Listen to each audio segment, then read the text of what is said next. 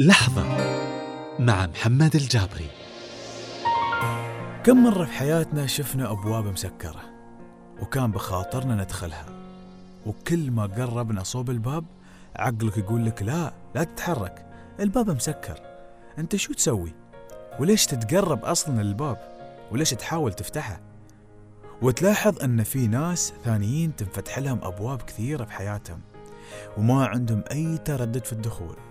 سألت نفسك ليش هم تنفتح لهم هالأبواب وأنت ما تنفتح لك؟ الإجابة بسيطة. لأنك ما رحت اتجاه الباب من أساسه عشان تجرب تشوفه يفتح ولا لا. خلني أعلمك شيء بسيط. أبواب الحياة نفس أبواب المولات والمراكز التجارية. تنفتح أوتوماتيك. لو قربت منها بتنفتح لك. لو تميت بعيد عنها بتتم مسكرة قدامك. يعني أبواب الحياة ما بتنفتح وأنت بعيد. أو ما بادرت أنك تقرب منها وتفهم كيف ينفتح الباب. أبواب الحياة ما بتنفتح بكثرة التحليل ودراسة الوضع وتقييم المواقف. لا بتنفتح بالتفاؤل والحب والإيمان بالله والإيمان بقدرتك والسعي وبعض الشجاعة. بتنفتح لك أبواب كثيرة كان خاطرك تنفتح في حياتك إن ما كانت كل الأبواب.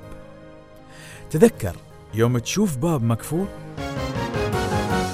قرب صوبه وبتنفتح لك دامك واثق من نفسك.